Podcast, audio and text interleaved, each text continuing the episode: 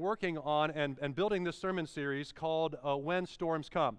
Now, right away, the title might kind of just l- like kind of tell you what we're talking about. We're not talking about if storms come, all right? We're talking about when they come because storms come on everybody. Uh, it doesn't matter whether uh, you find yourself knowing Jesus or not knowing Jesus. It doesn't matter what color your hair is or, or, or what you wear during the day or what social class you might be a part of or what you make at your work or, I mean, any of the, storms level the playing field, don't they? I mean, storms come to everybody. So, so we thought we better tune in and, and figure out what it means to look at these storms and to seek Jesus' teaching on storms. So, in order to do so, we just talked earlier about the, the most stormy day in the life of Christ. Of course, started with the Lord's Supper on a Thursday night, and it wrapped up on Friday when he was murdered and crucified on the cross for you and for me. But the good news is that stormy day, it had a good ending, didn't it? Because what, th- what happened three days later? Ain't no grave going to keep him down, right? Jesus rose from the dead. So let's talk about the second most stormy day in the life of Jesus. Now, on that day, he woke up to a text message from the disciples that basically said, Listen, we, we, we need to break the bad news to you. Uh, Herod has ordered the execution of, of your cousin John the Baptist and good friends. You can imagine starting your day with that kind of news, waking up to the loss of your loved one, but consider the circumstances in the way that Jesus lost John the Baptist, knowing that Jesus himself, his own head may be on the chopping block next. Then, then, then, he didn't even have a chance to mourn. He didn't even have a chance to get alone with the Father in prayer. He didn't even have a chance to get over the shock of it when demanding crowds of more than 15,000 people showed up, demanding to be ministered to, demanding to be fed, demanding to be cared for and loved on. And so it, that, he it took him time and it consumed all of his energy. And then there was the arguments that he had with the disciples and how those, all those folk were going to be fed. And they wound up feeding these 15,000 people with some, some fish and, and, and some loaves.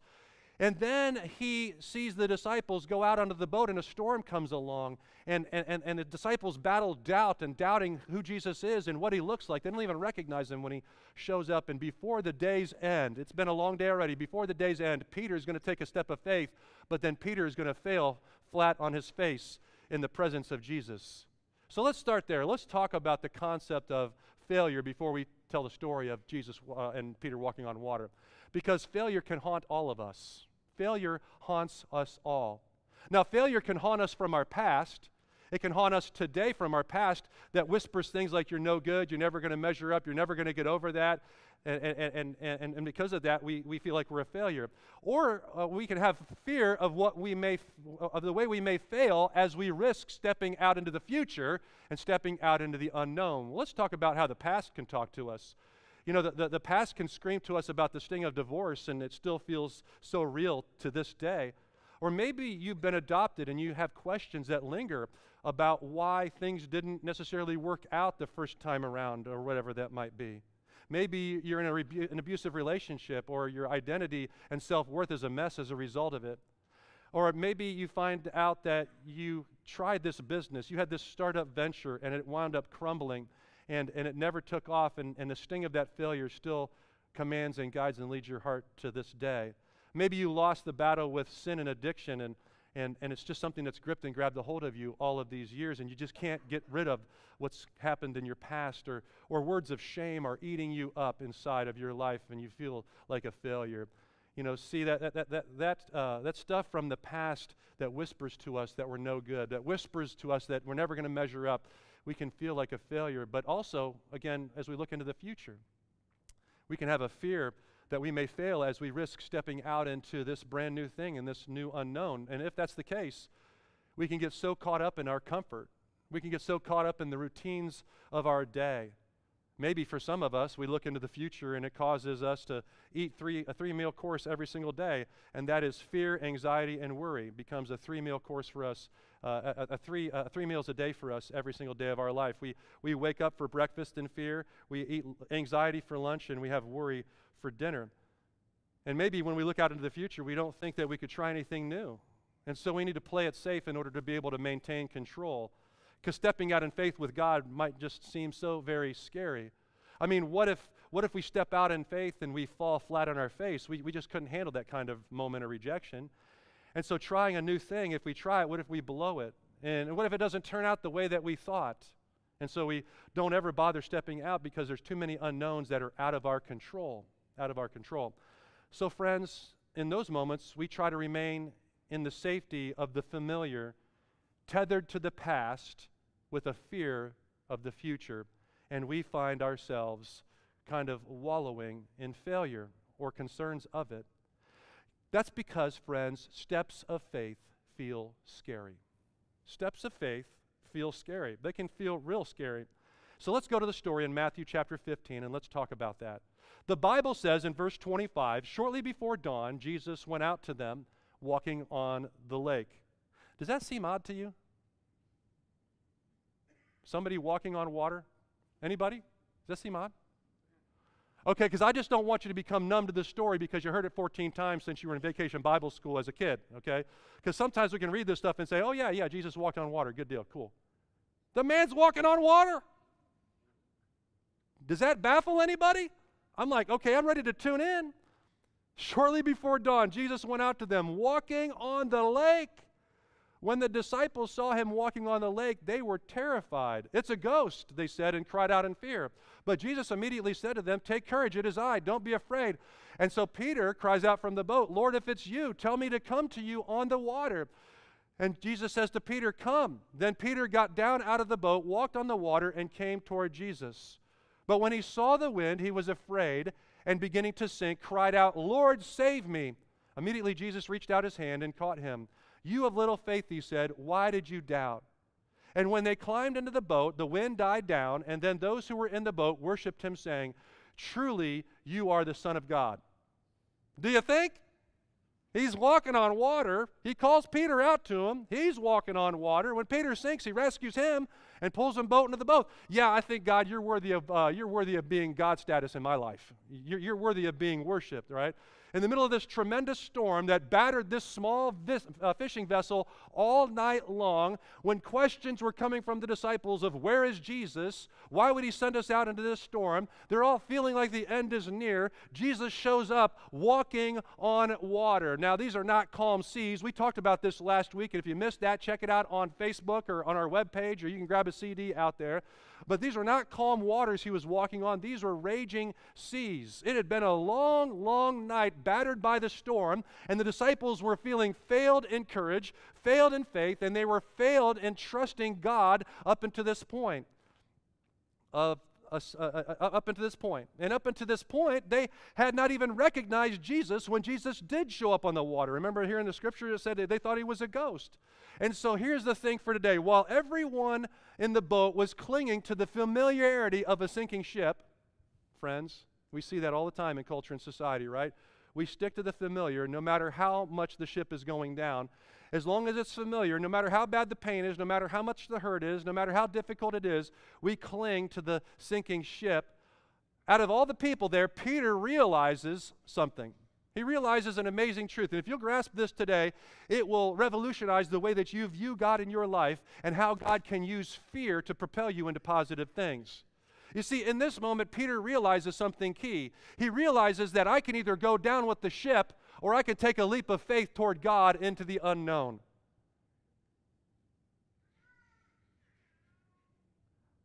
But all he does know in this moment, if he doesn't know anything, is he knows that Jesus is making it on top of the waves. You see, he's in a sinking ship. He's struggling to figure out what to do and where to go. And he doesn't know much of anything, but all he knows as he rubs his eyes is Jesus is making it on top of the waves. Now, friends, if you will hold on to that nugget in your life, no matter what storm you're going through, no matter how much you feel like the ship is going down, if you will constantly maintain your sight on God and realize that whatever storm you're in, He's still standing on the waves, whatever ship you're sinking in, He's still standing on the waves, Whatever grave you feel like you're about to be buried in, he's standing above ground because he's already conquered the grave. If you will hold on to that, you can have this, this, this moment that Peter has in his life where he realizes he could either drown or he can take a leap of faith. And so Peter steps takes a step of faith not because of courage or personal strength. You see, we think that Peter's all that in a bag of chips. Well, friends, Peter's got all kinds of problems and challenges, and he's not necessarily any better or cognitively necessarily aware than the disciples because it's not out of personal strength or courage that he takes this step of faith, it's out of fear. It's because it's a last resort. What else are you going to do? Go down with the sinking ship? I mean, Jesus is standing above water. You either die in the sinking ship or you take a chance on the waves with Jesus. Now, while everyone else chooses to remain in the boat, only Peter recognizes God in the middle of the storm. And that's what God wants us to recognize in these days and in these stormy times. And, and, and in doing so, Peter seizes the opportunity to take a step into the unknown while nobody else wants to. They just want to remain comfortable in the ship. It's fear that propels Peter, not because he's just some amazing guy. All right? I don't know if you've ever thought of it like that before. Let me give you an illustration. I was 16 years old. We were on a youth conference trip out into Denver, Colorado. Anybody familiar with Red Rock Amphitheater out in Denver, Colorado? It's just outside of Denver. Beautiful scape, like right on the mountainside. It's carved into the mountain, literally. It's in the middle of nowhere. And they hold, it's a concert venue. It holds thousands and thousands of people. And what you do is you enter at the foot of the mountain, which is where the bands will play and the stage is, and there's bathrooms and restroom facilities and, and refreshments. And then basically from there, you walk up to your seats up the mountainside, and like I said, there's just thousands of people. So this evening, we went there for a concert that was a part of this. I mean, there, there are youth there from all over the nation. I mean, there, there, there are hundreds and hundreds and thousands of youth and their counselors and stuff. And we were just one church that was there I mean, as a 16 year old. And so, so here, here's what I noticed what was happening. When we got to our seats, I looked off to the west and I saw dark clouds coming. And as, as it got darker that night, you could start to see that lightning was coming. I mean, now you didn't have to check your weather app because back there, when I was 16 years old in 1988, you, you had the weatherman on television. You didn't have him in your pocket. There was no way. You couldn't see the radar coming in. But, but I deduced in my, in my simple mind that a storm was coming. Would, would that be a safe assumption? Lightning, thunder, darkness, it's coming. And I looked at my counselor and said, or my, our, our youth leader, I said, listen, there's a storm coming. I, I, just visited the restrooms down there. I think it'd be a good idea if we all went down to the, eh, down to the restroom. And, uh, and, and she looked at me and, and she said, I don't think that's a good idea. We're going to stay right here. And, and like Peter, who looked at the, everybody else in the boat, is saying, this ship is going down. I'm out of here. And so I ignored, our youth are gone. I, I ignored the, the youth director and I just hightailed it down to the bathroom. I said, I'm going to the bathroom. God bless y'all. And, uh, and I went down to the bathroom and hung out with my soon to be closest friends that I met about five, for about five or ten minutes. And this storm comes along, and I could just hear it out there. I mean, you can see the rain outside of the bathroom. It's crashing down, and there's small hail happening, and people are rushing into the bathroom area because it's about the only shelter for about five miles. And, and they're soaking wet, and they're traumatized. And I'm praying for my, my friends and, and my, my, my youth director. And I'm praying for myself when I catch up to my youth director. And, uh, and, and I'm standing there, and I, I, get not a drop of rain on me, not a lightning strike. Praise be to God, nobody got uh, struck by lightning, but, but uh, it, was, it was a terrible scene. In fact, it made national news. The storm was so bad, and you had these thousands and thousands of people caught on the mountain watching this conference. And uh, we wound up getting separated. So I rode a different charter bus back to the hotel. See, they had all these buses running back and forth from the hotels. It's a big youth conference, and and so they, they, they made their way back on another bus I trusted, and uh, I, I found myself on a bus. I'm high and dry. I, I mean, I didn't get a drop of rain on me. The storm is done by now, but they had to cancel the concert. It was so bad. Well, I got back to the hotel, and I was getting off the bus, and guess who was standing there to meet me? My youth director was there, and uh, all the other, other kids were there, and they were all shivering, traumatized. They looked like they'd been through hell and back. They were all soaking wet, and here I am with a smile on my face, high and dry. Um, that was an interesting moment. I, I heard a few things and, and uh, was kind of on house arrest the rest of the week. Uh, but, but I knew that I had made the right choice. Amen? Um, so, friends, in that moment, I just want to share with you that at 16 year old, at 16 years old, I didn't have a whole lot of courage. At 16 years old, I didn't have a whole lot of strength to lead me to take this leap of faith into the unknown when nobody else will uh, and would. I just want to tell you, I had a whole lot of fear. And my, my fear and concern about what my counselor would say to me versus my fear and concern about the storm, you can decide which one outweighed the other.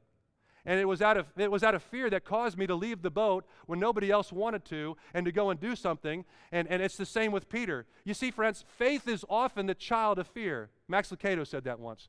Fear is often the child of fear.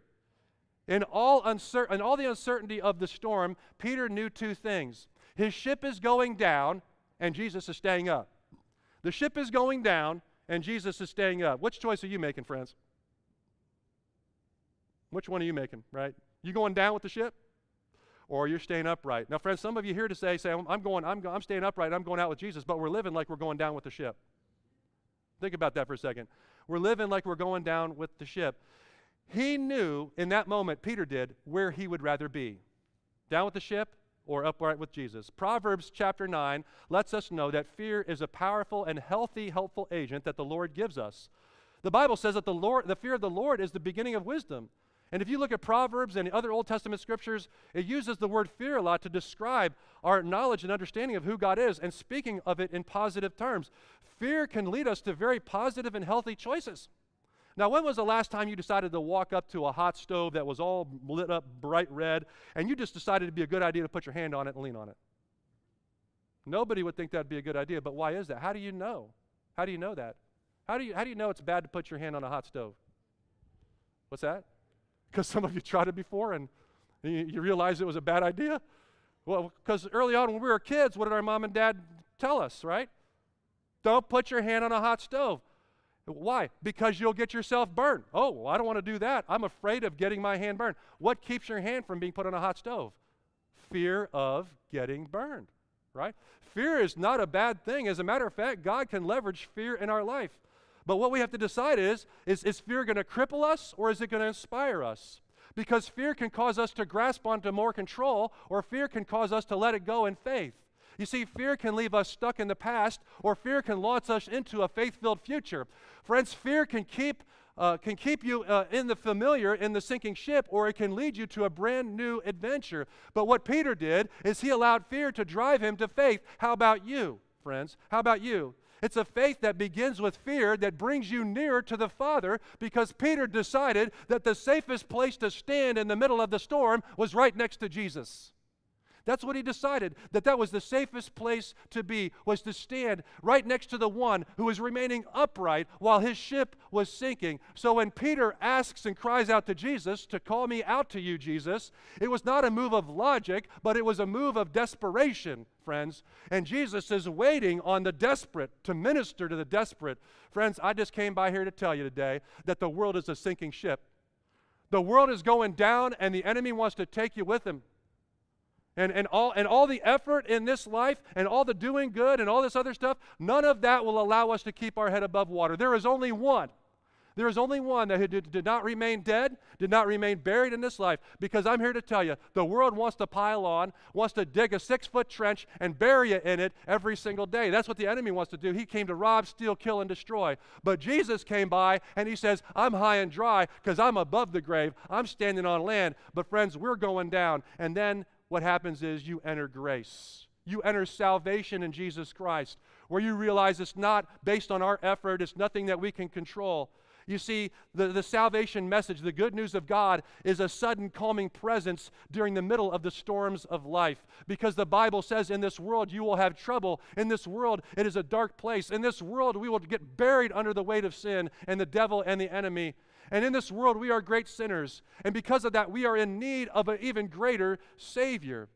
And so we can either go down with the ship we can, we can go down with the sinking ship right down into the grave and get buried under the weight of this world, or we can go to the one in God and Jesus Christ who is standing upright above the grave. Because we know what happened on the third day, right? Hey, we're, we're third day believers, aren't we?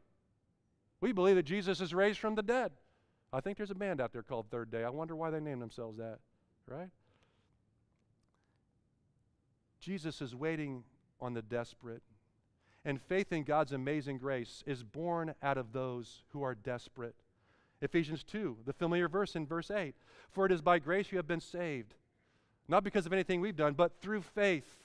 You see, faith is born from the desperate, grace is given to the desperate.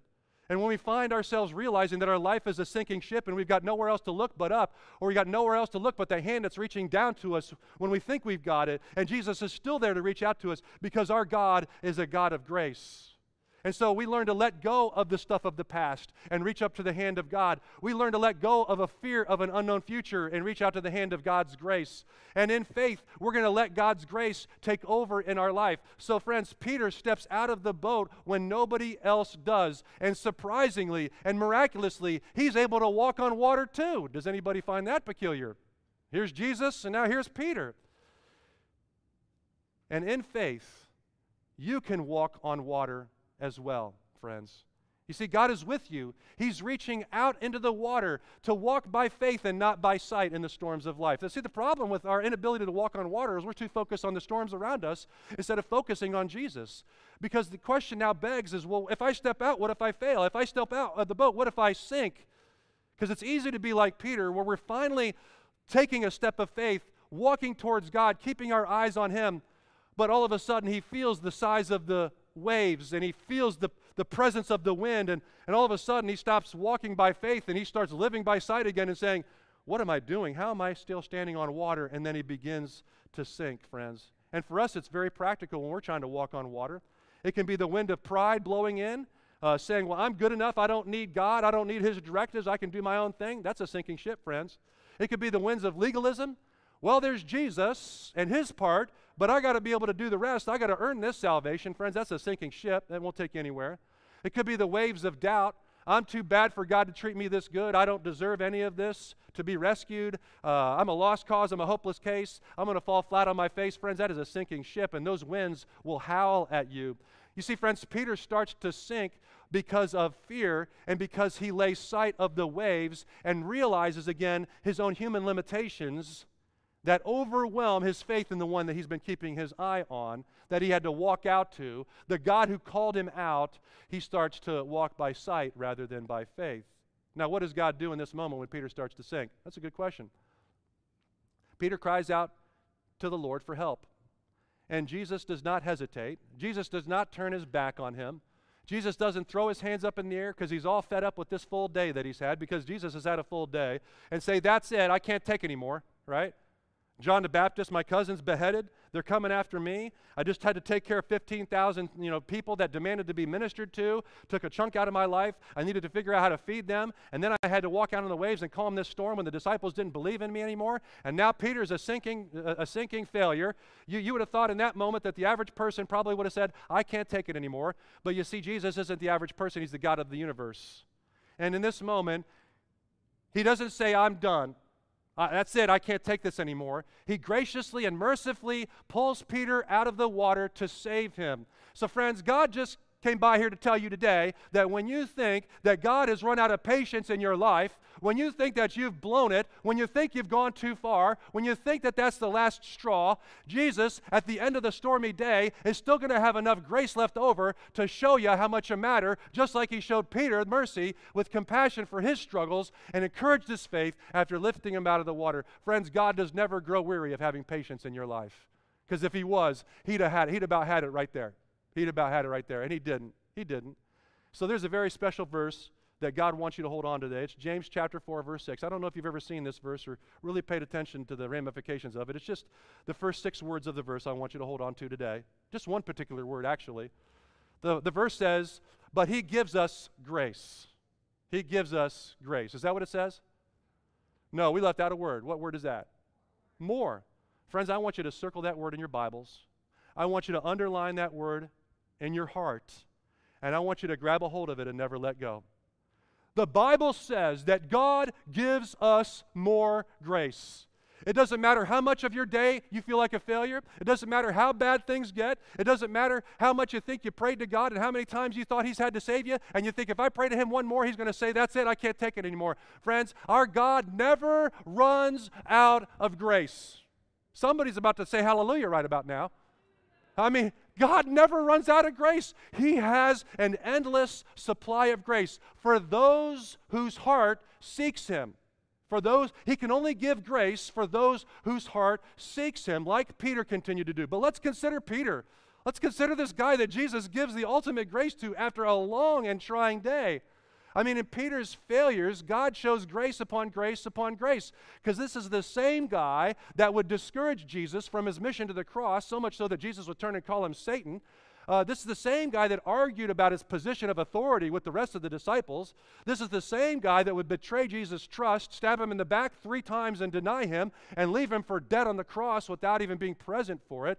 And yet, somehow, Jesus, in his merciful patience and grace, never runs out of grace on this day of days that Jesus has. He can't get a minute to be able to get quiet before the Lord after learning his cousin has died. He can't, he can't, get, he can't get a simple moment by himself as he's ministering ministering to 15,000 people. And yet, when Peter fails in his faith, Jesus still has more patience, more mercy, and more grace. And friends, he does for you too. Praise be to God. Praise be to God. God's grace will never run out in your life if you will turn to Him and continue to hand your life over to Him. With God, there is always more grace for the heart that seeks Him, just like Peter did. So, with God, friends, we never have to fear failure. We never have to fear stepping out of the boat. Because if we fall, we know that Jesus is going to catch us. And if Jesus calls you out of the boat, we can trust that He's got us, that His grace, the Bible says, is going to be sufficient for all that we need, that it's never going to run out, even when we stumble. So, friends, don't let the fear of failure command your life. Jesus has redeemed you from all of your past mistakes. His blood covers over all of the labels that other people have, have given you in your years that you hold on to. You, you, you, you have a brand new life in Him, a brand new creation in Christ. He becomes your identity, and He is the value of your worth. Don't fear failure and live paralyzed as you look into the future. And you'd rather drown in the familiarity of a sinking ship than risk stepping out into the new towards God. Oh, God's got something amazing for you as you step out into this life. Friends, the failure we should fear is to fail to follow the voice of God if He calls us out of the boat. we got to follow the voice of God. If you're going to be afraid of something, be afraid of missing out on God's voice and following what He has to say to us. But you don't have to be worried about missing out on His voice because all you've got to do is open up God's Word and He's fully revealed Himself to you. So, friends, I, I, in my mind, ever since I was 16 years old, I've often thought of this. I've always wondered what was going through the mind of my youth leaders as I was standing there getting off of the bus, high and dry, and they're all soaked, shivering, and traumatized. Friends, if you want to walk high and dry above the waves and the storms of this life, then put your faith in God. You trust His voice and you lean into His amazing grace upon grace upon grace. Because, yes, storms are coming, and the storms in future, they sure look scary, but you're going to let your faith give birth. You're going to let your fear give birth to a brand new faith. Because remember, faith is often the child of fear. Let's land the plane. A couple of action steps and we're done. Number one, what failure in your past is crippling your self outlook? What failure in your past is crippling your self outlook? Just be honest, right? Name it. Number two, how is Jesus calling you out of the boat into a brand new life and experience? Step out into it. Number three, do you always have more grace? Now, what do I mean by that? Well, see, Jesus has more grace for you. Do you always have more grace for other people? Now, answer honestly. The person sitting next to you may be able to answer more honest than you can. Right? I don't know. But think about that. What would it look like if, when you live with people, if you had more grace for them? Grace upon grace upon grace. Because that's what we get. And friends, when it comes to the kingdom of God, whatever we get from Jesus, He wants us to give it to other people. Amen? Let's pray. Lord God, we just thank you for this word today. We thank you for the worship today. We thank you for our worship teams. Lord God, we thank you for our, our, family life ministries. We thank you for what's going on in, in our discipleship and classes. And Lord God, we just lift up Scott Kelso. Be with him right now as he's preparing for this Holy Spirit filled weekend coming. Our mission team and Habitat for Humanity and conversations around eradicating human trafficking and drug trafficking. Lord God, we, are here to, we're, we're here to uh, believe, Lord God, that you are our all in all. We need you, God. And we thank you for this family, this family, this body of Christ that you've given us. Lord God, we need each other, and we can't do this on our own. Lord God, some of us feel like we're sinking right now. Some of us are concerned about stepping out in faith because we feel like we're going to fail or we're tethered to the past, God, and we're just being honest and we're holding on to something and we just need to let it go because, because we, we can't, we, we, we're just filled with fear as we try to look into the future. So, Lord God, here and now, would you cause us to see Peter in his interactions with you in a brand new way? Peter wasn't super courageous, God. He, he wasn't super strong in that moment. He was actually the complete opposite. He was terrified of sinking in the boat. And so, Lord God, we thank you that what he did teaches us what we need to do, and that is to cry out to you, to call us out to you, and to walk on water with you, and to stay high and dry above the storms that rage in our life. So, Lord God, we need your strength. We need your care and your purposes in our life to guide us through these stormy seas. and this dark world that wants to tear us down and bury us, Lord God. And in the name of Jesus Christ, we say to, we say to the devil, Devil, you can go right back to where you came from. In the name of Jesus Christ, we claim that we are God's territory here and now. And if we're God's territory, we receive grace upon grace upon grace. Lord God, may your grace never run out. Thank you for that promise. And Lord God, we, we hold on to it today. We hold on to it. Lord God, let somebody here today, here and now, grab a hold of your grace like they've never grabbed a hold of it before. And Lord God, let them have grace for somebody else like they've never had it before, Lord God, as we take these steps of faith into the future. It's in your name we pray. And everybody said together,